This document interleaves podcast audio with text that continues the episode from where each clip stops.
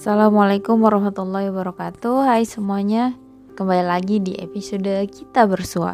Alhamdulillah ya sekarang kita udah masuk di musim hujan Yang udah kita tunggu-tunggu tuh dari musim kemarau. Bentar deh sebenarnya kita seneng gak sih dengan datangnya hujan ini? Pernah gak pas kita mau pergi atau lagi di luar rumah tiba-tiba hujan Terus kita ngeluh Duh hujan, gagal deh planningku hari ini ya hujan jadi nggak bisa ngapa-ngapain nih dan beberapa keluhan lainnya yang secara spontan keluar dari mulut kita.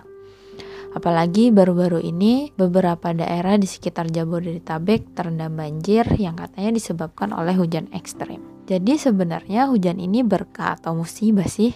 Kebetulan beberapa hari lalu aku diberi kesempatan untuk ikut terjun di salah satu titik banjir daerah Lebak Banten. Daerah tersebut merupakan daerah yang cukup parah dan ternyata selama ini mereka hanya mendapatkan bantuan dari para relawan. Belum ada perhatian khusus dari pemerintah sendiri. Kalau lihat sisa bangunan yang udah mereka bangun itu rasanya miris banget. Kita yang pernah kehilangan handphone misalkan udah sedih banget apalagi rumah dan harta benda lainnya yang udah susah payah mereka dapatkan. Tapi setelah melihat mereka yang nggak menampakkan kesedihannya, justru mereka terlihat bersyukur dengan keadaan mereka sekarang. Betapa hebatnya mereka bisa menikmati itu semua. Jadi sebenarnya penyebab dari banjir itu sendiri apa sih? Hujan kah? Kalau hujan sebagai alasannya, berarti hujan itu adalah musibah. Sebenarnya hujan itu asalnya dari mana sih? Pastinya dari sang pencipta alam ini kan. Sebenarnya hujan tuh bisa nggak sih menentang kuasa penciptanya ketika diperintahkan untuk turun ke bumi terus mereka nggak mau. Jadi ketika kita menyalahkan hujan sebagai penyebab suatu masalah, cara tidak langsung kita menyalahkan penciptanya dong. Yang tentunya pencipta kita sendiri. Sebenarnya hujan itu nggak salah apa-apa atas semua itu. Lalu siapa yang salah? Yang salah ya kita sendiri sebagai makhluk yang diberi amanah untuk menjaga bumi dengan baik, tapi ternyata kita sendiri yang merusaknya. Jadi mulai sekarang stop kita menyalahkan sesuatu yang jelas-jelas tidak salah. Sebelum kita menjudge sesuatu, lihat diri kita dulu. Apakah kita ini sudah melakukan kebenaran sampai akhirnya kita menyalahkan yang lain. Kita sama-sama introspeksi diri, mencoba melihat suatu permasalahan secara objektif, bukan secara subjektif agar kita tahu mana yang benar dan salah.